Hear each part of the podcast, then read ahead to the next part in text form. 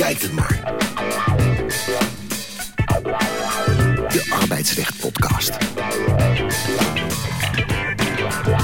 Presentatie Veer de Kostens. Welkom bij de tiende aflevering van Je Bekijkt Het Maar, de podcast van uitgeverij Boom die op de hoogte houdt van het arbeidsrecht. Daar zitten we weer, Ronald Beltzer, hoogleraar arbeid en onderneming, en Suzanne Sikkink, advocaat bij Ellen Overy. We hebben jou nog niet eerder gehoord.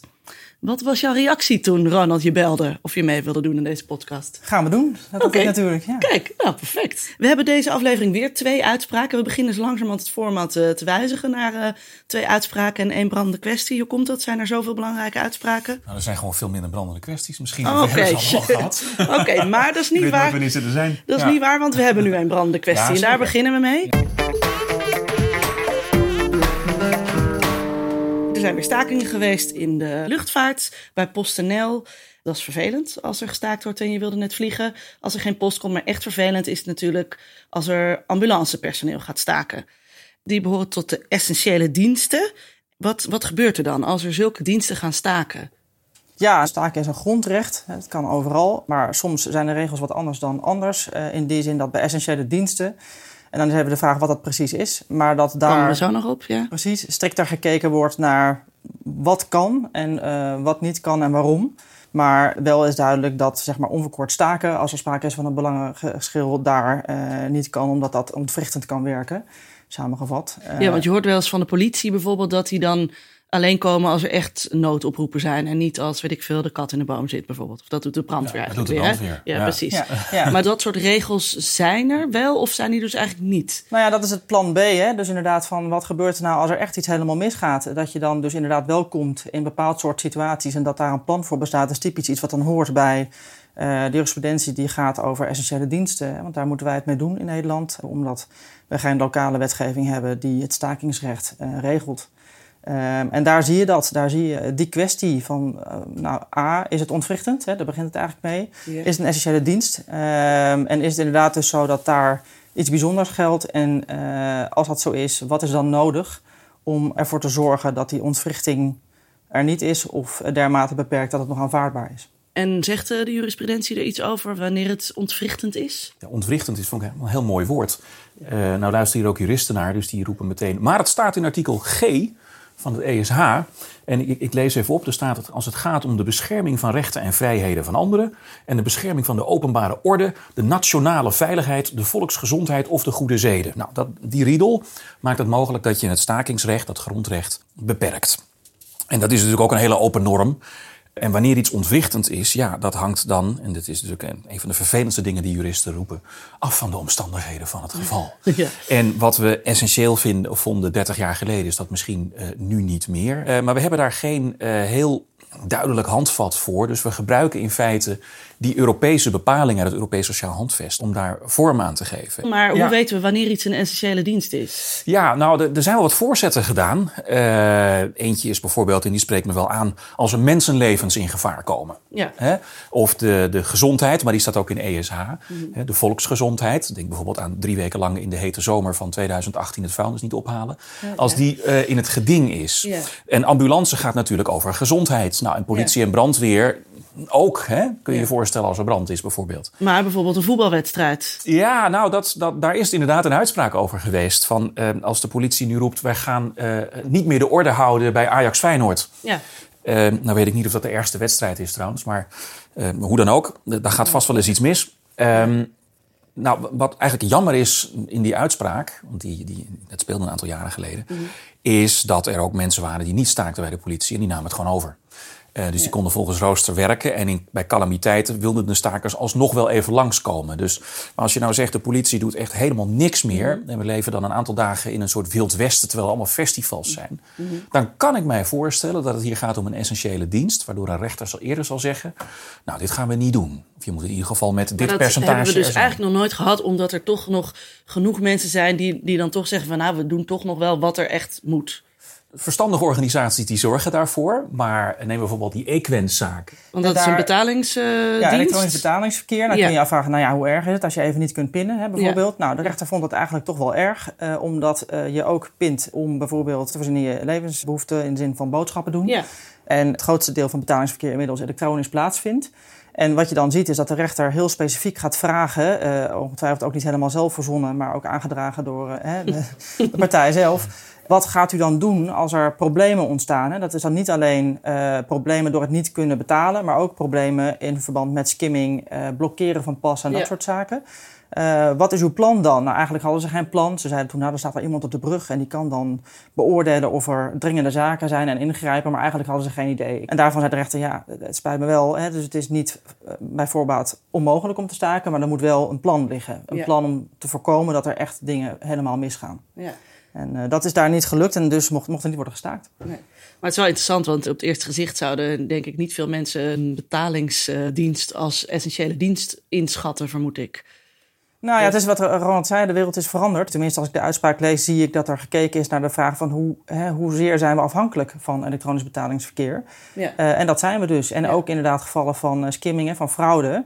Uh, daar, moet daar moet worden ingegrepen. En als je zegt van ja, sorry, nu even niet. Uh, dat kan grote gevolgen hebben als iemand met je pasje aan de haal gaat. Jullie zeggen van nou, er is, er is dus geen wetgeving nog over.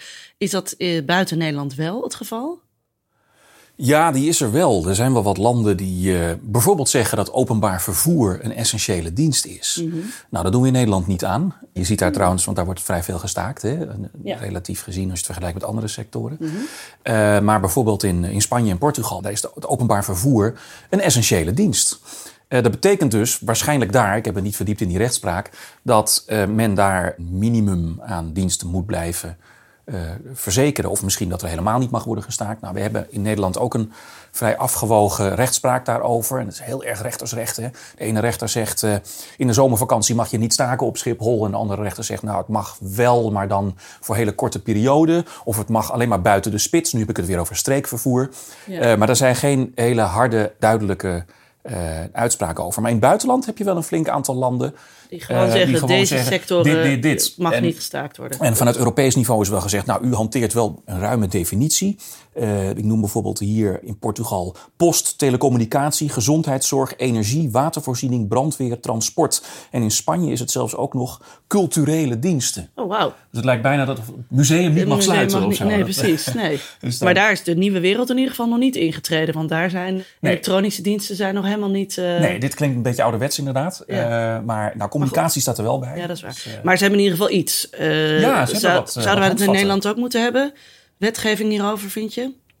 Nou, ik vraag me dat eigenlijk af. Ook omdat je ziet dat uh, het soms samengaat. Hè? Dus ik vraag me ook af eigenlijk of je kunt zeggen dat vliegverkeer bijvoorbeeld essentieel is. En zeker als je kijkt naar EasyJet Ryanair, waar dit soort zaken Ja. spelen. Ja. Is dat nou eigenlijk wel essentieel? Uh, maar je ook ziet bijvoorbeeld de zaken die gespeeld hebben bij, uh, bij KLM. Dat er een combinatie uh, gemaakt wordt tussen, nou ja, wat gebeurt er dan? Hè? De pas passagiers hopen zich op en dat is onveilig. Mhm. Wat weer een andere reden is eigenlijk om Ja. een staking zeg wat in te perken. Of daar nadere voorwaarden aan te stellen. Want dat die Ehm, mensen niet op vakantie kunnen is niet zo erg. Maar dat ze Ja. daarna met z'n allen op een vliegveld eh, gepropt zitten. Ja. Dat kan een probleem opleveren. En eh, nou ja, waar toen de terrorisme-dreiging bij kwam, eh, is dat ook nog wel weer een onderwerp. En ik denk dat rechters eh, goed uitgerust zijn, zal ik zo maar zeggen, om, hè, om, om daar goed naar te kijken. En ik, ik kan me voorstellen dat zelfs als je zou zeggen, hè, bijvoorbeeld eh, eh, openbaar vervoer is een essentiële dienst. Ja, dan hangt het ook weer af van het soort actie. In hoeverre dat dan eh, überhaupt in het geding Ja. is. Hè? Als je zegt, van, we gaan eh, niet controleren, we gaan eh, af en toe even een half uur niet rijden. Ja, wat betekent dat dan? Ja, precies. Maar jij zegt dus eigenlijk, nou, zoals het nu eh, gaat, gewoon met uitspraken, met jurisprudentie, dat gaat eigenlijk prima. Vind jij dat ook? Ja, ik, ik denk dat rechters geëquipeerd zijn om dit te doen. Niettemin denk ik dat we wel wat misverstanden kunnen voorkomen door bepaalde sectoren aan te wijzen. Waar men bijvoorbeeld, waar we net over spraken, eh, eh, toch maar beter zo'n plan kan maken voor. Ja, eh, zoals we bij Equins. Ja, ja zo van, nou jongens, eh, we gaan staken, maar zorg in ieder geval voor dat zoveel procent kan doorgaan. Hè? Of dat systeembanken kunnen doorwerken, of weet ik veel hoe je het ook benoemt. Eh, dat, er, dat als de politie staakt, dat er eh relschoppers wel nog steeds kunnen worden aangepakt. Eh, maar dat je misschien niet meer achter een bosje staat bij het rode licht om te controleren of fietsers er door rood fietsen. Je hoort hier een persoonlijke frustratie in Achter natuurlijk. bosje, ja. Ja, ja, ja, je hebt ze hoor. Maar goed, weet je, dat ja, het is een beetje een flauw voorbeeld, maar je begrijpt wat ik bedoel. Hè? Dat je voor bepaalde sectoren aanwijst van nou, dat, dat kan dan. En dan nog heb je helemaal gelijk, Suzanne, als je zegt.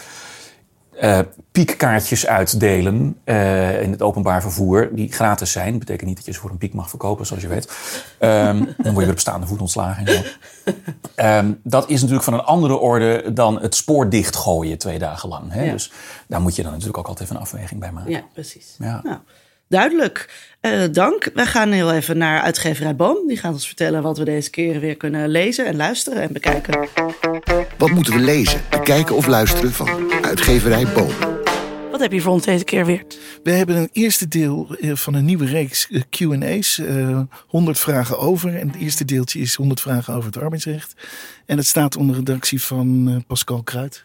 En voor wie is dit boek? Dit is eigenlijk bestemd voor eh, arbeidsrecht, advocaten, rechters. Maar ik denk ook wel voor studenten die zich moeten inlezen in het arbeidsrecht. En het is een heel handig naslagwerk. Wat voor soort vragen staan erin? Ja, je kan vragen ook van cliënten heel snel beantwoorden. En het, het is ook een serie die in Engeland bijvoorbeeld heel populair is. En ik verwacht er in Nederland ook wel wat van. En waar kunnen we deze vinden? Die kan je op www.bu.nl vinden.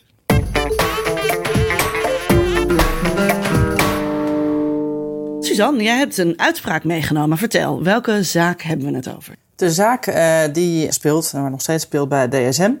En eh, het gaat over een sociaal plan. En nou, een sociaal plan is overeengekomen in het kader van een reorganisatie. En eh, nou, daar hebben we allemaal varianten in. In dit geval ging het eh, om een sociaal plan met een zoektermijn van twee jaar om mensen aan het werk eh, te helpen eh, binnen of buiten de organisatie. Eh, met als gedachte dat eh, die twee jaar eh, gebruikt kon worden eh, met doorbetaling van loon. En als mensen dan een andere baan zouden vinden, dan zouden ze het resterende deel van die twee jaar uitbetaald krijgen. Nou, dat wordt wel gezien, ik weet niet of dat hier het geval was, maar om een incentive te geven aan mensen om daadwerkelijk ook hè, die baan te vinden. Want als je die baan vindt, dan heb je vervolgens hè, dat extra deel of het resterende deel krijg je uitbetaald. En er zit ook een aanvullingselement in dat als je een baan vindt met een lager salaris, dat je een aanvulling krijgt om te bevorderen eigenlijk dat mensen dus niet blijven zoeken naar het, eh, per se hetzelfde niveau, maar ook een beetje breder gaan kijken om gewoon aan de slag te gaan. Hè. Dus Best een eh, ruimhartig sociaal plan. Zeker. Of- Eh, en dan gericht op van werk naar werk. Hè. Dus heel erg inzettend op het feit dat mensen weer gewoon aan het werk komen. Ja. Dat ze hun baan zijn verloren. ja. Nou, in dit geval was de persoon om wie het ging daarmee aan de slag gegaan. Was 10 mei boventallig geworden. En twaalf dagen daarna accepteerde deze persoon een baan met een veel lager salaris. Eh, de persoon zat op ongeveer 8000 bruto en ging naar 2,5, eh meen ik. En had in de tussentijd eh, gesolliciteerd bij deze nieuwe werkgever, maar ook bij Loyalis. En dat blijkt dan later van belang, omdat de persoon gaat aan het werk. Alle vergoedingen uit het sociaal plan komen dan tot ja, uitkering. dus die krijgt 2,5. Ja, het verschil. Eh, en verschil. krijgt, het verschil van DSM nog twee jaar. Ja, en dus, Ja. eh, dat wordt dan allemaal zeg maar, even contant gemaakt. Dus niet in periodes betaald, maar in één keer uitbetaald. En dat resulteert dan in een, eh, een vergoeding van eh 445.000 euro. En even als achtergrond, transitievergoeding zou nog geen 30 zijn geweest. Oh Eh, dus dat is echt wel een hele som geld. Eh, maar goed, dat zijn de regels van het sociaal plan. Ja.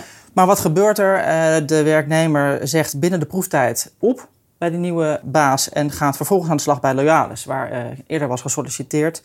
In een veel nou ja, zeg maar betere baan, of althans met een eh, En beter binnen de salaris. proeftijd, dus dat is binnen een maand of zo. Binnen een maand, ja. Nou, dat komt DSM ter oren. En zij denken dat kan toch niet waar zijn. Of althans, de kans bestaat dat dat toch een beetje anders gelopen is dan had gemoeten.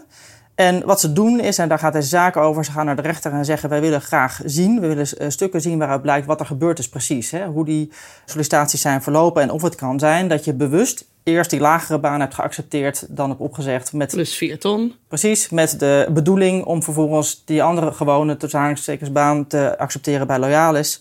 Eh, met die enorme vergoeding eh, Ja. in je achterzak. Nou, er worden allerlei argumenten uit de eh, trucdoos gehaald om uit te leggen dat het allemaal hier niet aan de orde zou zijn. Dat die stukken niet geleverd hoeven worden. Maar dat is meer een technisch stuk van de zaak, denk ik. Maar goed, hè, dus de enige manier die je hebt als werkgever om hè, te, bewijzen dat daar iets niet Ja. goed is, is op deze manier.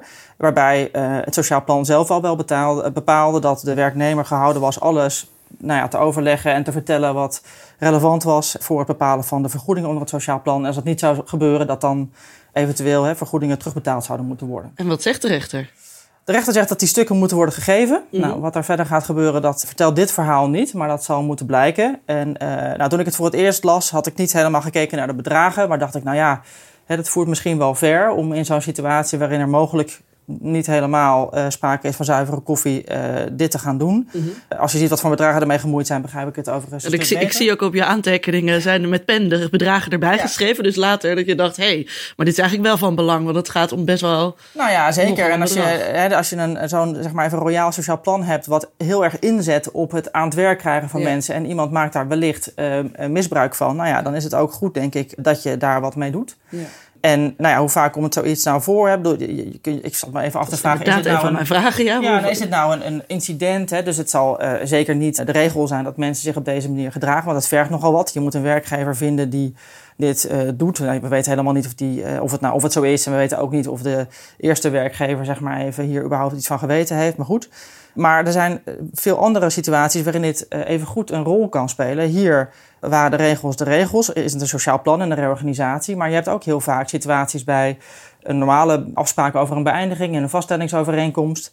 Waar je een aantal dingen opschrijft, zoals: uh, Nou, we betalen u dit bedrag, maar u heeft geen uitzicht op een andere baan op dit moment. En of uh, u heeft ons alles verteld wat relevant is om te weten bij het aangaan van deze overeenkomst. Bijvoorbeeld uh, in het kader van het vaststellen van de vergoeding waar dit een rol kan spelen. Want als dan blijkt dat iemand, en dat gebeurt heel vaak, uh, je hebt zeker bij bijvoorbeeld wat oudere medewerkers die zeggen: Ja, ik kom toch echt nooit meer aan de bak. En als ik al aan de bak kom, is het ofwel voor een veel lager inkomen, of ik moet als ZZP'er bijvoorbeeld hè, uh, aan de slag om uh, een boterham te verdienen. Mm -hmm. Nou, dat is objectief een rele relevant gegeven. Hè. Stel voor, je hebt iemand van 55, 57 jaar. Daar hou je rekening mee bij het vaststellen van de vergoeding. Die dan, ja. hè, dat is nou eenmaal hoe, het, hoe dat gaat. En als dan iemand uh, een maand later goed betaalde andere banen vindt, wat ook vaak voorkomt, dan, nou, dan kan zijn dat iemand gewoon echt veel geluk heeft gehad. Nou, hè, prima, uh, dat is uh, fijn voor, voor de persoon. Maar het kan ook zijn dat hij al lang in gesprek was, gewacht heeft tot de overeenkomst gesloten werd en vervolgens die baan heeft geaccepteerd. Ja. Dan kan het relevant zijn om toch eens op te vragen: van mag ik even zien? Hè, bijvoorbeeld de correspondentie die vooraf ging ja, aan een instelling. Ja. Ja. En die werknemer is één ding, maar die werkgever, kan die het aangerekend worden? Nou, dat ligt wat minder voor de hand. Kijk, in dit geval is het zo dat de, uh, als het waar is, werknemer uh, bewust zo gedraaid heeft dat hij uh, veel te veel geld mee naar huis heeft genomen kan heel goed zijn dat de werkgever, loyaal is in dit geval, iemand op sollicitatiegesprek heeft gehad en die persoon heeft aangenomen. Bijvoorbeeld omdat de persoon zei, ja, ik ben eerst, ik heb eerst gedacht, ik wil het niet, maar ik heb me bedacht, ik wil het eigenlijk toch wel. Nou, dat kan. Een situatie waarin dat anders zou kunnen liggen, dat is alleen een situatie waarin die tweede werkgever, de nieuwe werkgever, uh, onrechtmatig heeft gehandeld door echt te bevorderen dat het zo gegaan is. Door mee te werken aan de constructie waardoor dit gebeurd is. En dan zou je in theorie ook nog een situatie moeten hebben dat die nieuwe werkgever daar voordeel bij heeft. Nou, hij heeft dan voordeel bij het aannemen van die nieuwe persoon. Maar goed, die had daar natuurlijk sowieso kunnen gaan werken. Dat ligt minder voor de hand. En wat daar nog meer bij speelt natuurlijk, is dat de oude werkgever dat moet bewijzen. En moet aantonen dat inderdaad sprake is van een situatie dat de nieuwe werkgever op onrechtmatige wijze bevorderd heeft dat het zo gegaan is. En uh, nou ja, deze uh, problematiek zeg maar, zien we wel bij concurrentiebedingen, waar je ja. uh, onrechtmatig profiteren hebt van wanprestatie. Namelijk, de werknemer handelt in strijd met zijn concurrentiebeding. En dat doet hij omdat een andere werkgever zegt: joh, het mag niet onder je concurrentiebeding, maar kom bij ons. Wij zorgen dat dat goed komt. Als je uh, juridische kosten hebt omdat jouw oude werkgever in kort geding gaat vorderen dat je niet bij ons mag werken, dan pakken we dat voor je op. Ja, in die gevallen zou het zo kunnen zijn dat er uh, uh, onrechtmatig profiteren van wanprestatie is. En profiteren daar zit natuurlijk ook in dat je iemand in dienst neemt die je niet in dienst kon nemen eigenlijk vanwege ja, het concurrentiebeding. Dus ik denk dat dat in dit geval wel heel veel lastiger ligt om aan te tonen dat daar iets onrechtmatigs speelt bij de nieuwe werkgever. Ja, we zitten nu te wachten eigenlijk dus op de uitspraak dan van die rechter uiteindelijk, want het gaat voor de rechter komen. Of is dat nog niet zeker? Nou ja, die stukken zullen moeten worden overgelegd en dan is de vraag uh, wat daaruit blijkt. Het kan zijn dat er alleen maar blijkt dat er een sollicitatiegesprek heeft plaatsgevonden. Dat de werknemer zegt, ja, nou ja, ik heb gekozen voor die ene, want het betaalde wel minder, maar het lijkt me een geweldige opportunity om mezelf te ontwikkelen. Je weet het allemaal niet. Maar het kan ook best zijn dat daar uh, wel iets uit blijkt. Dat iemand bijvoorbeeld zegt van, nou, ik wil wel bij jullie beginnen, maar nog niet nu. Uh, maar wel over een maand of over twee maanden, want ik wil gaan reizen, ik zeg maar wat. Het ja. vooropzet plan was om daarop te gaan werken. Ja, dat kan. Nou ja, dan uh, heeft de persoon in kwestie niet alles verteld wat hij moest vertellen onder het sociaal plan. Ja. Uh, en dan zijn er goede mogelijkheden voor DSM om dat inderdaad terug te halen, dat geld. En dan, dan kan, heb je gewoon het recht om dat terug te halen, punt. Hoeft er helemaal geen recht meer aan te pas te komen. Nou ja, kijk, het sociaal plan bepaalt dat dat kan. er is wel een vaststellingsovereenkomst met de finale kwijting.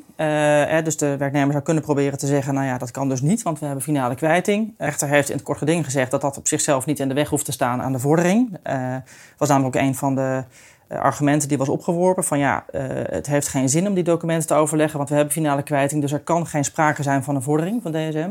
Nou, daarvan heeft de rechter gezegd dat zie ik allemaal niet zo.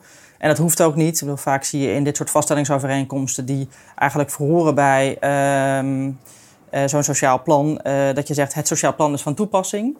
En dan zou je ook moeten zeggen, nou ja, als dat zo is, dan betekent dat ook dat van toepassing is de bepaling waarin staat, als er iets niet klopt, voor ja, het precies. geld terug. Ja, precies. Oké, duidelijk. De vaste vraag. Dan komen we bij uh, de vaste vraag, beroemd en berucht. Wie is jouw favoriete arbeidsrechtgeleerde? Wie vind jij dat eigenlijk iedereen in de kast zou moeten hebben staan? Ja, nou ja, de vraag überhaupt over een favoriete arbeidsrechtgeleerde uh, is een goede. Maar uh, als ik daar even over nadenk, ik heb veel respect en bewondering voor veel mensen in ons vak. Maar uh, als ik me dan afvraag wie, uh, waar kijk ik dan naar, dan kijk ik met name naar mensen die hun eigen uh, koers varen. En nou ja, op een zeg maar, originele manier kijken naar het recht, een beetje dat van de buitenkant benaderen. En in dat verband ook wat reuring soms veroorzaken door al dan niet bewust maar tegen het verkeer in te rijden, zeg maar even. Ja, en ja, dan denk ik aan mensen als Huub Willems of Rogier Duk, die dat toch altijd wel gedaan hebben en doen. En, en trek je er ook een beetje aan op, dat jij zelf ook af en toe eens denkt, ik ga eens eventjes van de andere kant benaderen? Ja, ik vind dat wel, uh, wel goed. Soms is het goed om gewoon binnen de gebaande paden uh, dingen te doen. Bijvoorbeeld als het in jouw zaak goed uitkomt.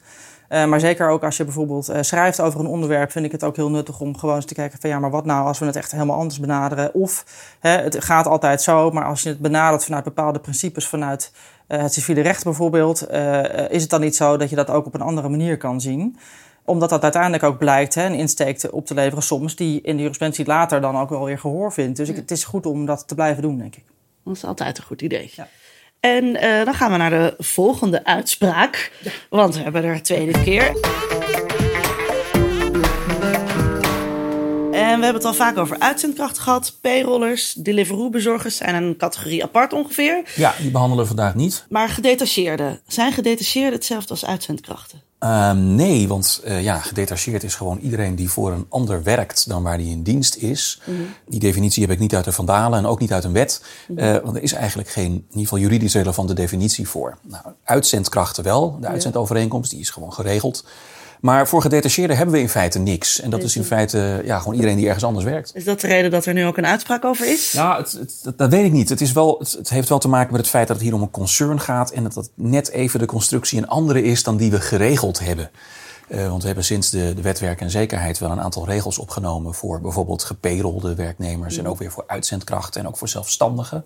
Ja. Maar deze zit er niet tussen. Nee, want het gaat Nee. om ontslag. En eh, gelden dan ontslagregels van het bedrijf Ja. waar diegene onder contract staat? Of ontslagregels van het bedrijf waar jij in feite van 9 tot 5 Ja. iedere dag eh, de deur in en uit loopt? Ja, en dat is zeker bij concerns een belangrijk punt. Eh, want wat je, ja, concerns zijn in feite een soort economische eenheid, maar een juridische veelheid. Hè. Ze hebben. Ja. allemaal, dus het zijn potentieel allemaal eigen werkgevers. En dan kan er één gedetacheerd worden bij de andere Ja, dat binnen gebeurt het natuurlijk ook concern. steeds. Ja. Dat gebeurt natuurlijk ook heel vaak. En soms heb je ook één eh concern-vennootschap die in feite als een soort uitzendbureau optreedt. Dus daar zijn de mensen wel in dienst, maar die worden gedetacheerd naar verschillende dochterondernemingen. Ja. Nou, en dan is de vraag, ja, is dat dan een, echt een uitzendbureau? Mogen die gebruik maken van het uitzendregime? Dat is heel handig als dat mag. Ja. Antwoord daarop is overigens nee. Oké, dat is duidelijk. Eh, dus dat, is duidelijk. Maar hoe ga je dan om met ontslag in de situatie dat iemand feitelijk echt ergens anders werkt dan waar die in dienst is? Nou, daar, daar worstelen we eh, in het arbeidsrecht al een aantal jaren mee. ja. En daar hebben we allemaal termen voor als materieel werkgever en formeel werkgever. Nou, het zijn allemaal contractueel en niet contractueel.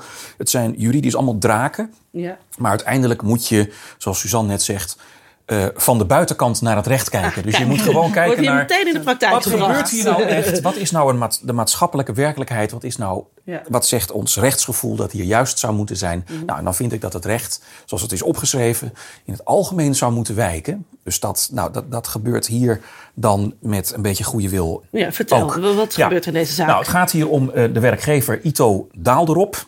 En ik geloof erg in parallelie. Vanochtend om zeven uur stond een loodgieter bij mij Ah, voor de deur. En die kwam wat doen met mijn ketel. Die vroeg naar het boekje. Ik vind het voor hem. En wat staat erop? Ito? Daalderop Nederland BV. Ja.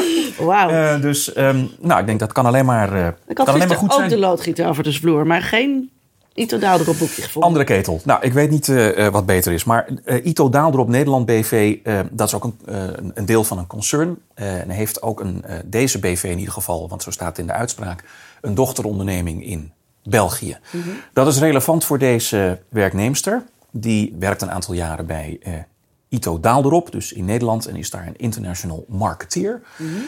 Wat die functie precies inhoudt, weet ik niet. zij werkt vier dagen, als ik het goed heb gezien, is twee dagen feitelijk in België aanwezig en twee dagen in Tiel. En dat is ook vrij dicht bij haar huis. Ja.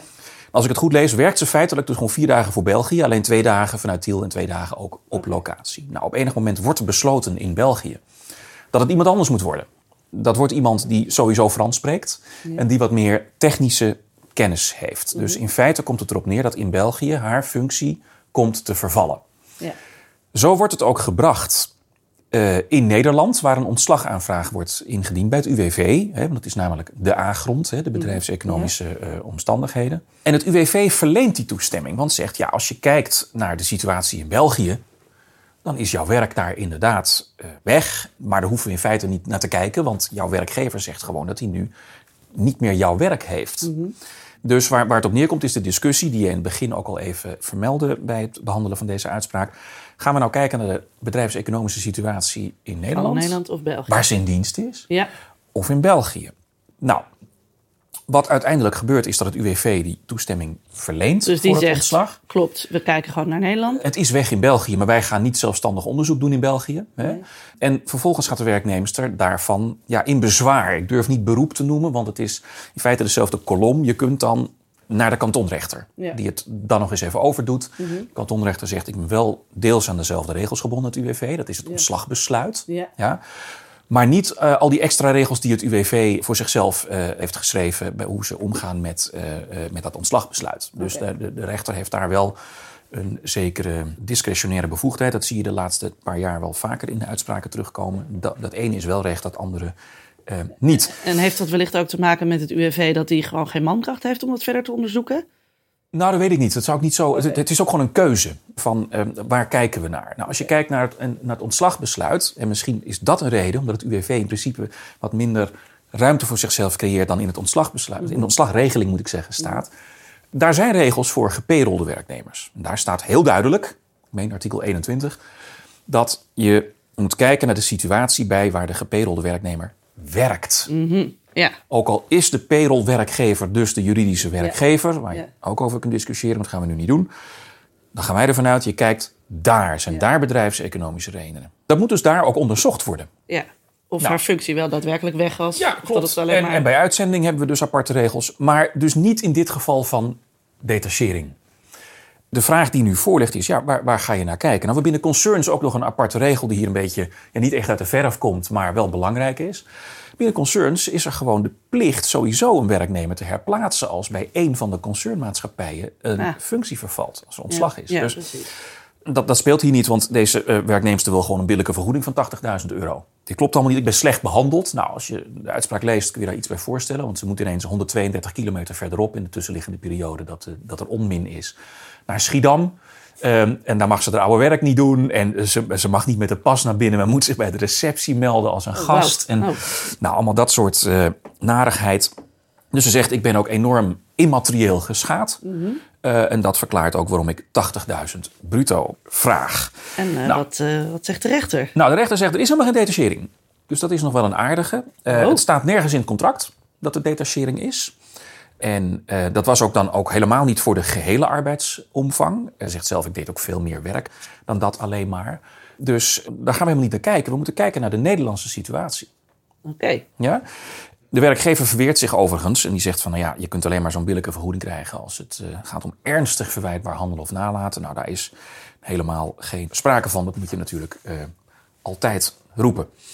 Um, nou, wat zegt, um, wat zegt ja, natuurlijk ernstige verwijtbaar. Ja, niet ernstig verwijtbaar. Ik kan er ook niks aan doen dat die functie vervalt. En, en Schiedam, nou ja, daar moeten we misschien maar niet te zwaar aan tillen wat we daar allemaal hebben gedaan.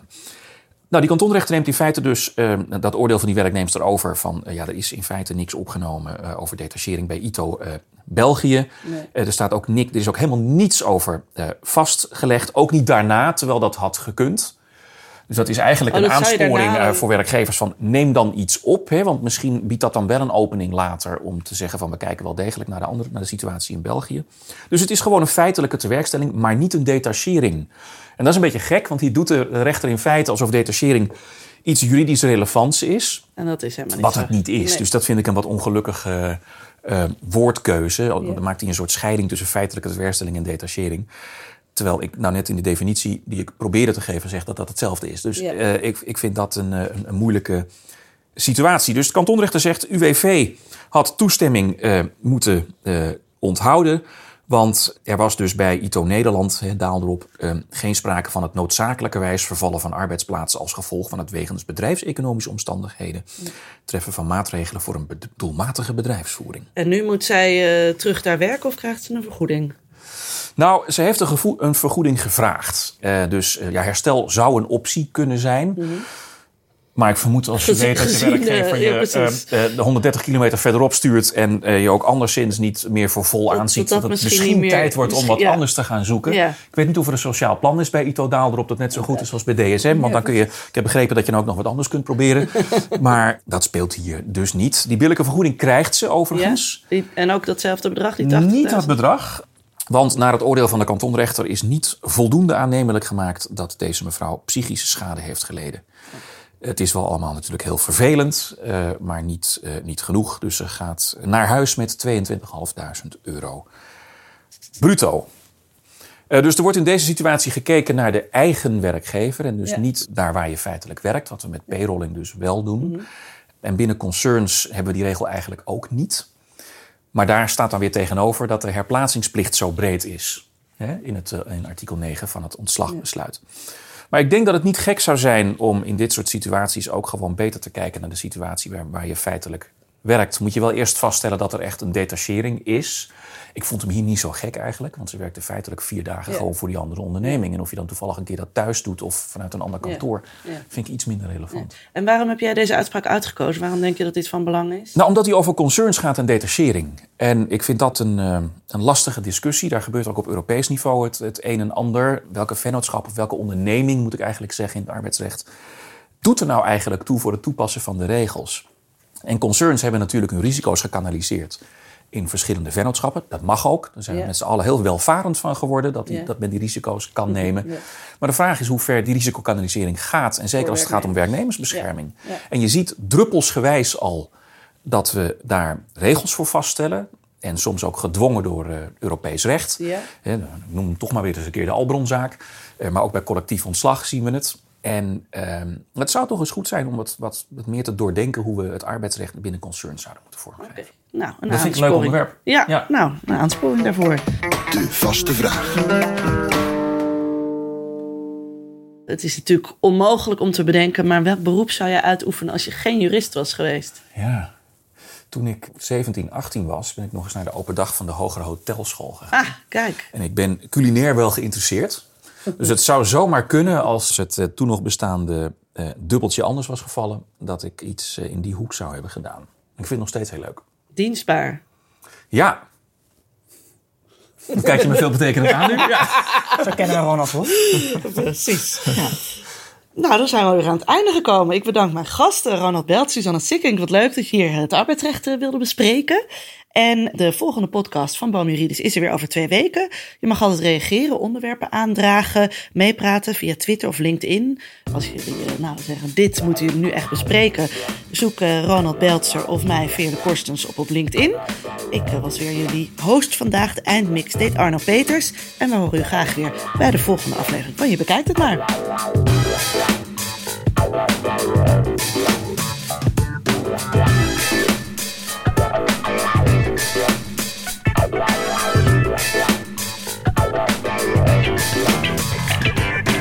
Je bekijkt het maar.